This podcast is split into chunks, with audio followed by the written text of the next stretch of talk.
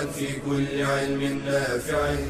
ينمو العلم ويتقدم بتقنياته ومجالاته ومعه نطور أدواتنا في تقديم العلم الشرعي. أكاديمية زاد. زاد أكاديمية ينبوعها. صاف صاف ليروي غلة الظمآن. وتعلم اللغة الفصيحة ورعاها بطريف أسلوب وحسن بيان. بشرى لنا زاد أكاديمية للعلم كالأزهار في البستان. بسم الله الرحمن الرحيم. الحمد لله رب العالمين والصلاة والسلام على أشرف الأنبياء والمرسلين سيدنا محمد وعلى آله وصحبه أجمعين.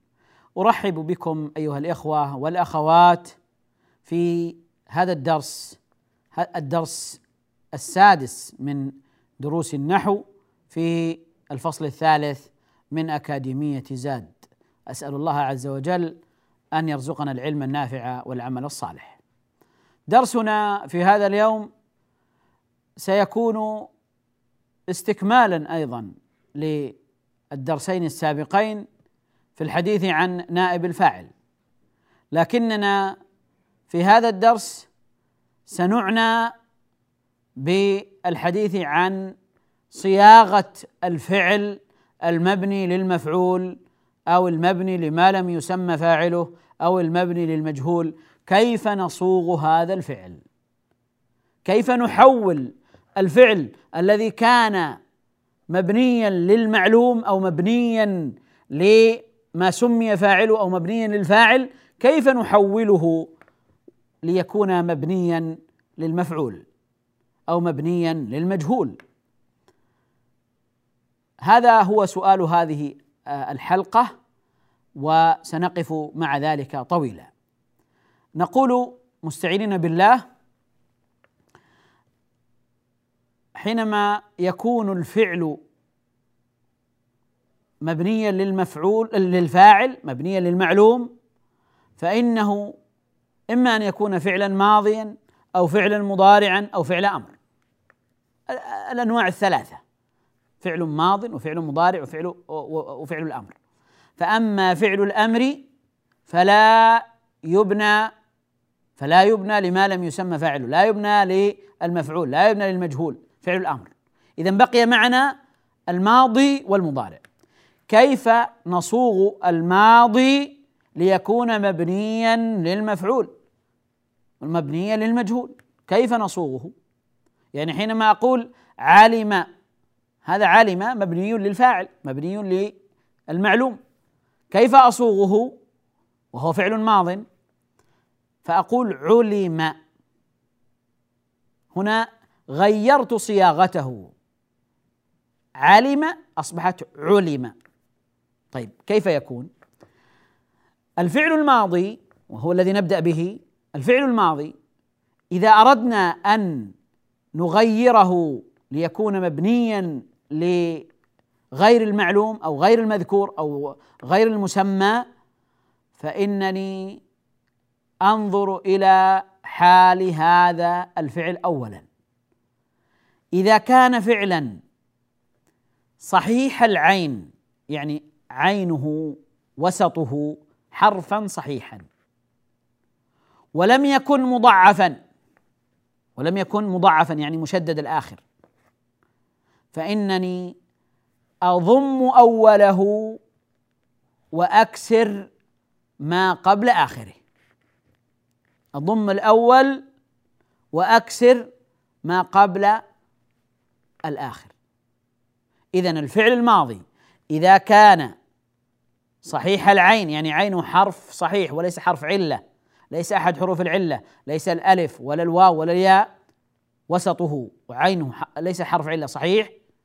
وآخره أيضا غير مضعف غير مشدد. فأضم الأول وأكسر ما قبل الآخر. عالم أقول عو ضم الأول علم علم آخر الفعل هو الميم. ما قبله هو اللام. اذا يكون مكسورا. علم. علم. لما أقول مثلا دحرج. دحرج. أقول دح ري جاء دح ري جاء ما قبل الآخر يكون مكسورا. أكرم. أكرم. أضم الأول وأكسر ما قبل الآخر. أكل أكل. جلس جلس. إذا إذا كان الماضي صحيح العين صحيح الوسط حرف حرفه حرف العين فيه ما يقابل العين في الميزان. حرفا صحيحا غير معتل يعني ليس حرف علة ليس واوا أو ألفا أو ياء. فإنني أضم الأول وأكسر ما قبل الآخر. وهذا واضح. طيب. إذا كان مبدوءا بتاء زائدة. إذا كان مبدوءا بتاء زائدة. مثلا أقول تفضل أو تقدم أو تيسر أو تمهل. فكيف آه، أبني هذا الفعل وأغير صياغته ليكون مبنيا للمفعول. أقول تفضل وتقدم وتمهل. ما الذي حدث؟ ما دام أنه ماض وعينه حرف صحيح فإنني أضم الأول وأكسر ما قبل الآخر. تفضل لكن الذي اضفته هنا أنني ضممت الحرف الثاني مع الأول. الأول خلاص. مضموم. ضم الأول وكسر ما قبل الآخر. تفضل تفضي لا. تقدي ما. الأول مضموم وما قبل الآخر مكسور. أضيف على ذلك أن الثاني أيضا يكون مضموما. أنا قلت تفا تفضل. هذا الفعل في أصله. تفضل. لما آه بنيته للمفعول قلت تو فو تفو الأول مضموم على القاعدة. والثاني هنا مضموم أيضا لأنه بدأ بتاء زائدة. فأقول تفضل تفضل. إذا خلاصة الكلام هنا في هذا في هذا في هذا الجزء. إذا كان الفعل الماضي مبدوءا بتاء زائدة فإنني أضم الأول وأضم الثاني أيضا وأكسر ما قبل الآخر. واضح؟ إذا إذا لم يكن مبدوءا بتاء زائدة مثل علم أقول علم يضم الأول ويكسر ما قبل الآخر. إذا كان مبدوءا بتاء زائدة أضيف على ذلك ضم الأول وكسر آه، ما قبل الآخر مع ضم الثاني. مع ضم الثاني. إذا أقول تفضل توقو تقدم تيسر تفهم تمهل. يضم تضم هذه التاء ويضم الحرف الذي يليها ويضم الحرف الذي يليها مع كسر ما قابل الآخر مع كسر ما قبل الآخر. إذا إذا كان الفعل الماضي صحيحا صحيح العين وغير مضعف ومبدوء بتاء فإنني أضم الأول والثاني وأكسر ما قابل الآخر. فاصل أيها الإخوة ثم نواصل الحديث إن شاء الله. بشرى لنا أكاديمية للعلم كالأزهار في البستان.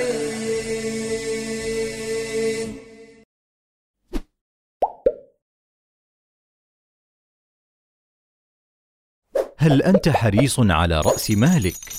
هل تحافظ عليه من الضياع؟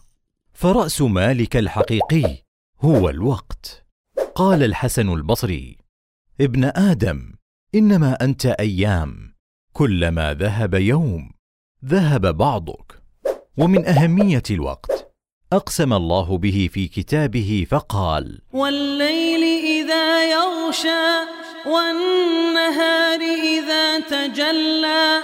وسوف نسأل عن الوقت يوم القيامة. قال صلى الله عليه وسلم لا تزول قدم عبد يوم القيامة حتى يسأل عن عمره فيما افناه الحديث وإذا أراد الله بالعبد خيرا أعانه بالوقت وإذا أراد به شرا جعل وقته عليه. وفي سيرة السلف أروع الأمثلة على استغلال الوقت. فقد كان داود الطائي يستف الفتيت ويقول بين سف الفتيت وأكل الخبز قراءة خمسين آية. وقال ابن القيم أعرف من أصابه مرض وكان الكتاب عند رأسه فإذا وجد إفاقة قرأ فيه فإذا غلب وضعه. ومن آداب الطالب ألا يسوف في تحصيل فائدة لأن للتأخير آفات ولأنه في الزمن الثاني يحصل غيرها ومن المحافظة على الوقت البعد عن البطالين الذين يقضون أعمارهم في المسامرات. فلا تكن ممن لا يشكرون نعمة الوقت فإن رسول الله صلى الله عليه وسلم قال: نعمتان مغبون فيهما كثير من الناس الصحة والفراغ. بشرى لنا زاد أكاديمية للعلم كالأزهار في البستان. بسم الله الرحمن الرحيم. نواصل الحديث أيها الإخوة والأخوات عن آه، بناء الفعل لما لم يسمى فاعله أو للمفعول أو للمجهول. ذكرنا قبل الفاصل أن الفعل إذا كان ماضيا وصحيح العين وغير مضعف فإنه آه، يضم أوله ويكسر ما قبل آخره. فإذا كان مبدوءا بتاء ضم أوله وثانيه أيضا وكسر ما قبل آخره. إذا كان مبدوءا هذه الحالة الثالثة إذا كان مبدوءا بهمزة زائدة بهمزة وصل عفوا إذا كان مبدوءا بهمزة وصل فهنا نفس الحكم يضم أوله ويكسر ما قبل آخره. لكنه إضافة إلى ذلك يضم ثالثه. يضم ثالثه. حينما أقول انطلق. انطلق. حينما أبنيه للمفعول أقول انطو انطلق. ضممت الأول انطلق. وكسرت ما قبل الآخر. لكن الثالث أيضا ضم هنا. فكان أيضا يعني مضموما. انطلق. وكذلك إذا قلت آه، استخرج. استخرج. هنا الفعل مبدوء بهمزة وصل. فأضم الأول واكسر ما قبل الآخر وأزيد على ذلك ضم الثالث. فأقول استخرج. استخرج. ومن ذلك قول الله عز وجل آه، ومثل كلمة خبيثة كشجرة خبيثة اجتثت من فوق الأرض. اجت اجتثت. يعني أصلها اجتثثت. ها؟ اجتثت لأنه مشدد فهنا الإدغام لم. لم تبن معه الكسرة في الكسر ما قبل الآخر. أجتثت وأصله اجتثثت آه ولذلك آه إذا وصلنا هذه الكلمة بما قبلها كمثل شجرة خبيثة اجتثت. شجرة خبيثة خبيثة اجتثت. ما يظهر ما ذكرناه. لكن حينما أستأنف بها الكلام أبدأ بها الكلام أقول أجتثت.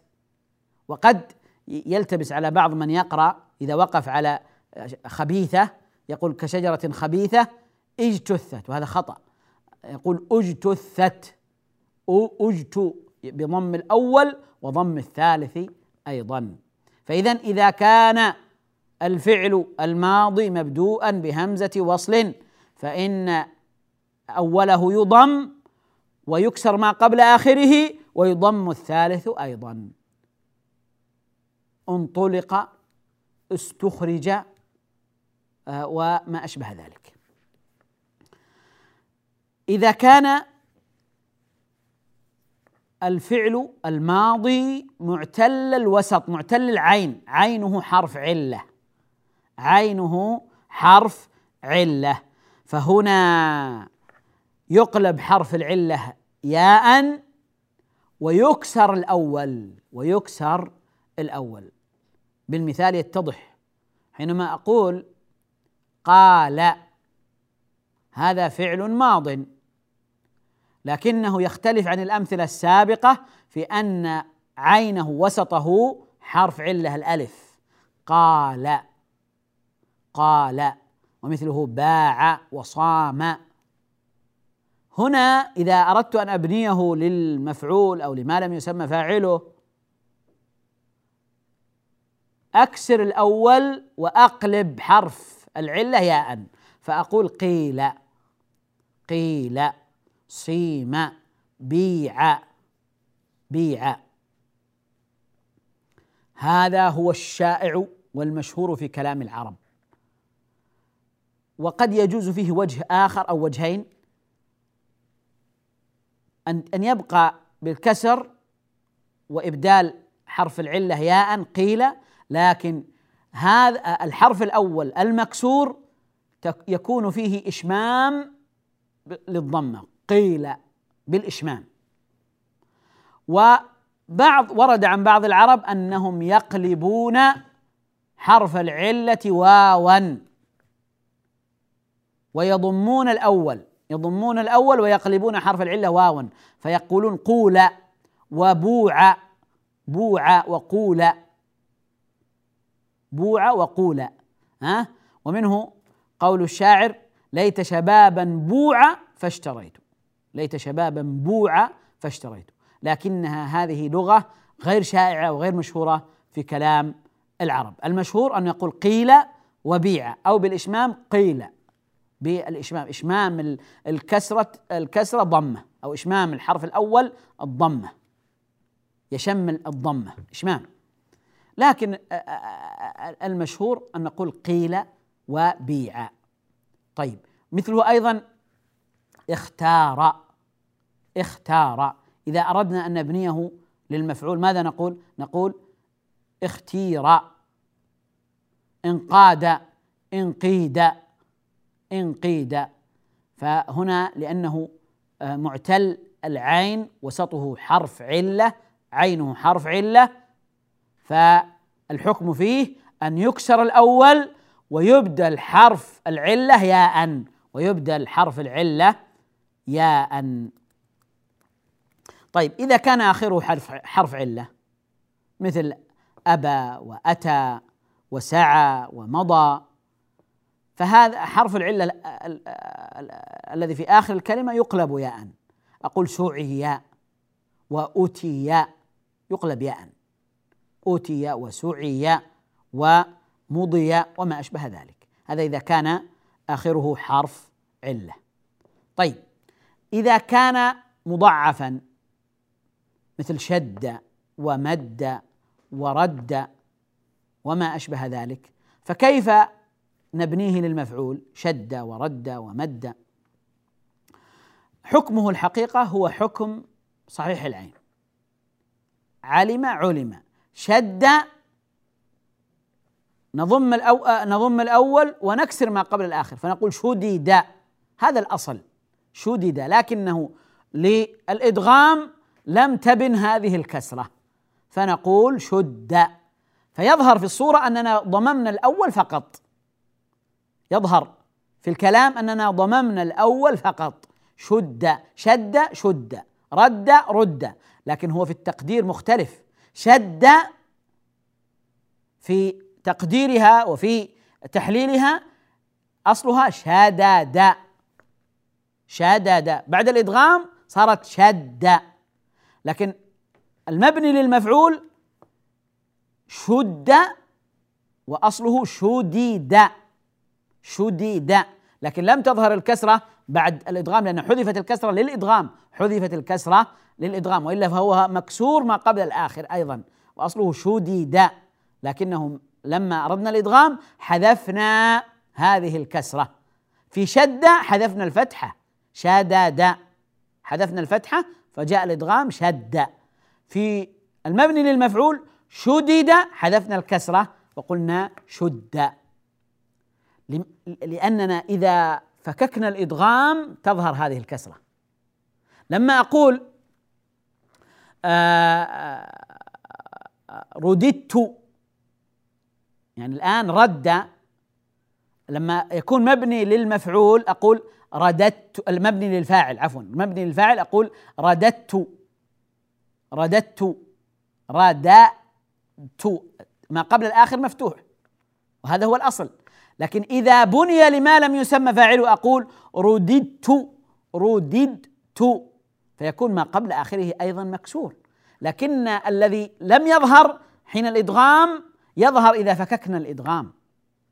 إذا فككنا الإدغام يظهر. فاذا هو حكمه حكم صحيح العين. يضم أوله ويكسر ما قبل آخره. لكنه لا يظهر عند الإدغام يظهر عندما يفك الإدغام. يظهر عندما يفك الإدغام.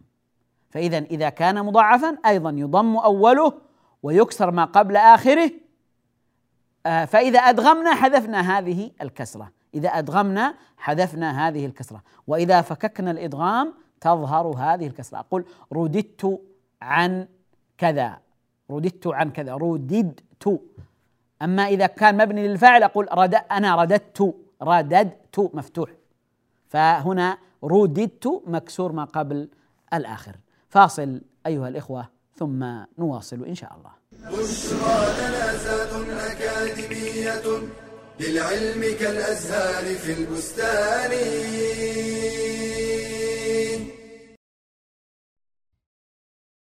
وظائف وأعمال شاشات وألعاب أشغال كثيرة مهمة وغير مهمة.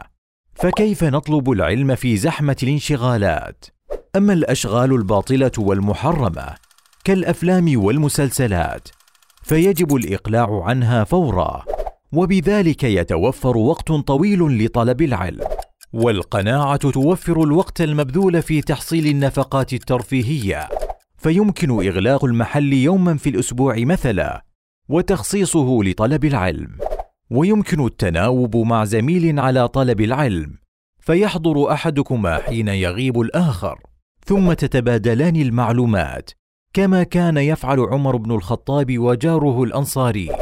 ويمكن استغلال وقت المواصلات ذهابا وايابا في القراءة والسماع. وكذلك وقت الفراغ أثناء العمل وأيام الإجازات. واستفد بالتكنولوجيا الحديثة. كالإنترنت والهواتف الذكية. والالتحاق بالتعليم المفتوح مثل منصة زادي. وعلى الأغنياء كفالة بعض النابهين وتفريغهم لطلب العلم. وفي الحديث من جهز غازيا في سبيل الله فقد غزا فعمل للآخرة يكفك الله هم الدنيا. قال صلى الله عليه وسلم. من كانت الآخرة همة جعل الله غناه في قلبه وجمع له شمله وأتته الدنيا وهي راغمة.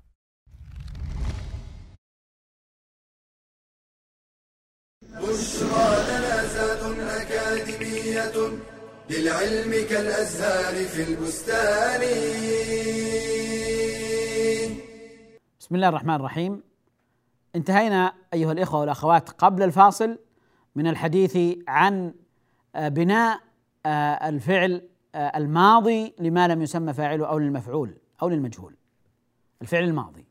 وقلنا إن الفعل الماضي يضم أوله ويكسر ما قبل آخره إلا إذا كان معتل العين يعني عينه وسطه حرف علة فإنه يكون بالكسر مع قلب حرف العلة يعني الآن نتحدث عن الفعل المضارع.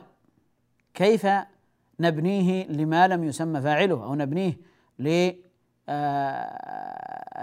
آه، الفعل المضارع مثل آه، يدخل ومثل يذهب ومثل آه، يكرم. كيف نبنيه؟ يكون بضم أوله وفتح ما قبل آخره. هذا أمر واضح. بضم أوله وفتح ما قبل آخره وليس الكسر. فأقول يؤكى يؤكل ويلعب ويكرم ويستخرج. كل الأفعال المضارعة يكون بضم الأول وفتح ما قبل الآخر. أريد أن أسأل سؤالا. حينما أقول يكرم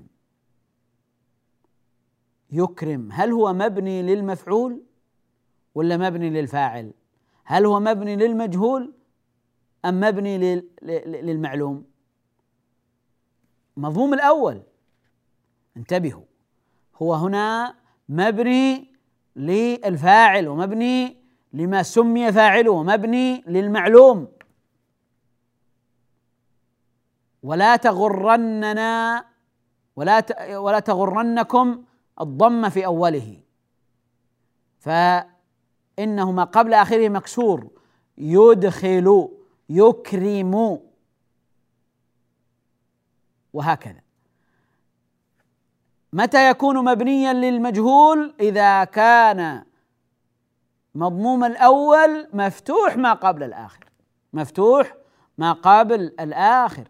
فنقول يكرم وينطلق ويستخرج ويدخل يدخل فإذا المضارع يكون بضم أوله وفتح ما قبل آخره. طيب إذا كان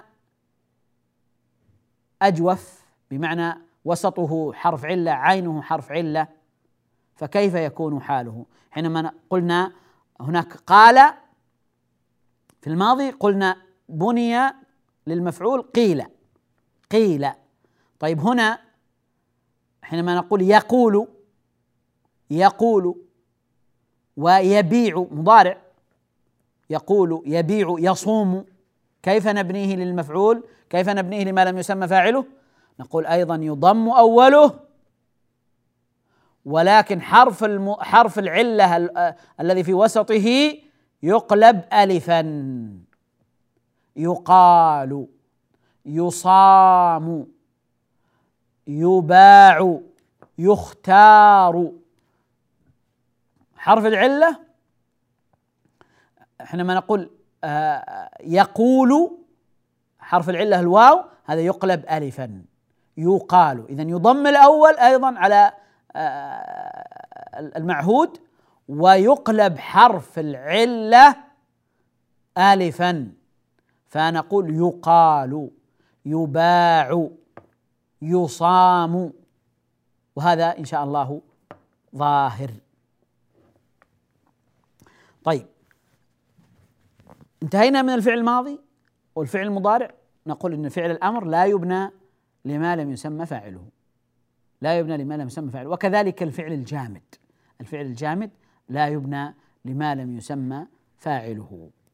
طيب خلاصة الكلام أيها الإخوة الكرام أن آه، الجملة التي يقصد فيها حذف الفاعل وإنابة المفعول به مناب الفاعل يتم تغييرها بالكلية. يغير الفعل فيصبح بدل أن كان مبنيا للفاعل يصبح مبنيا للمفعول. يضم أوله ويكسر ما قبل آخره في الماضي.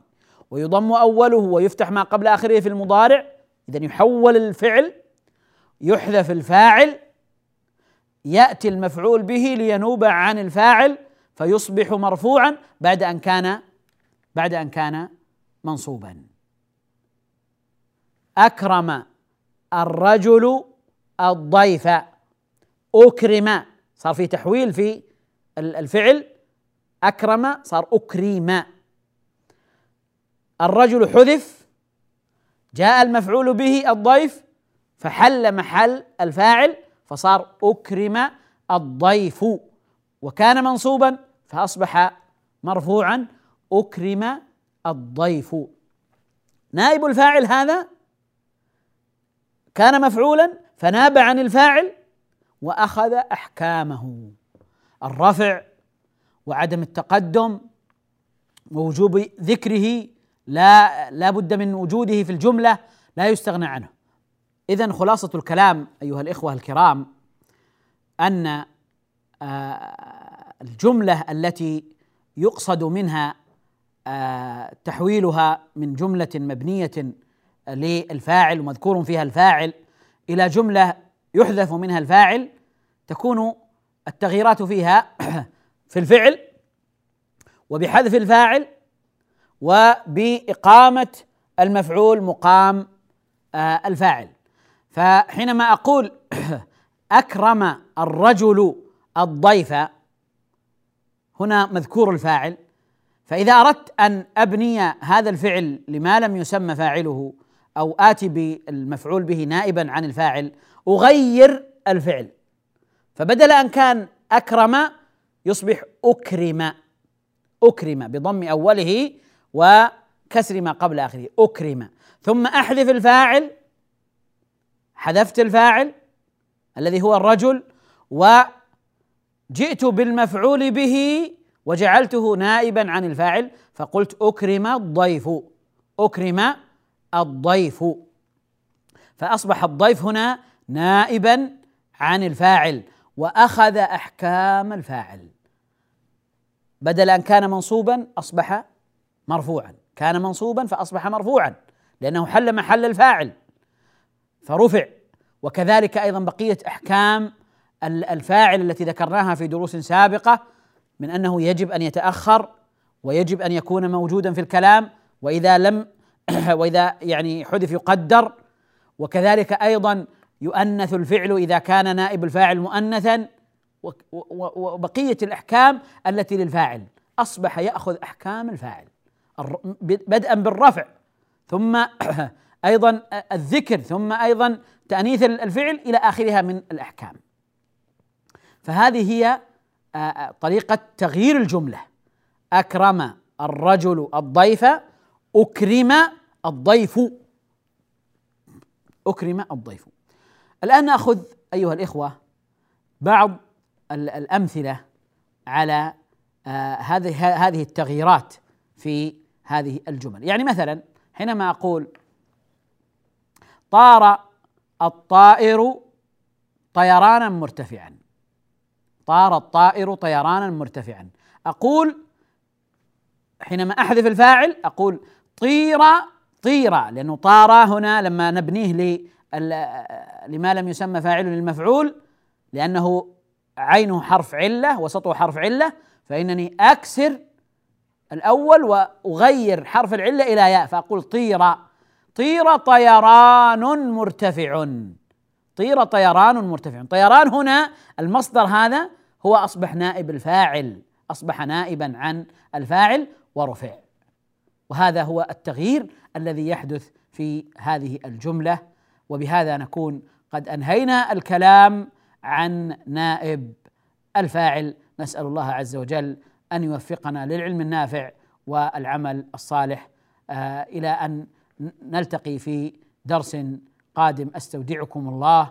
والسلام عليكم ورحمة الله وبركاته. يا راغبا في كل علم نافع متطلعا لزيادة الإيمان. وتريد سهلا النوال ميسرا يأتيك ميسورا بأي مكان. زاد زاد أكاديمية ينبوعها. صاف صاف ليروي غلة الظمآن وتعلم اللغة الفصيحة ورعاها بطريف أسلوب وحسن بيان. بشرى لنا زاد أكاديمية للعلم كالأزهار في البستان.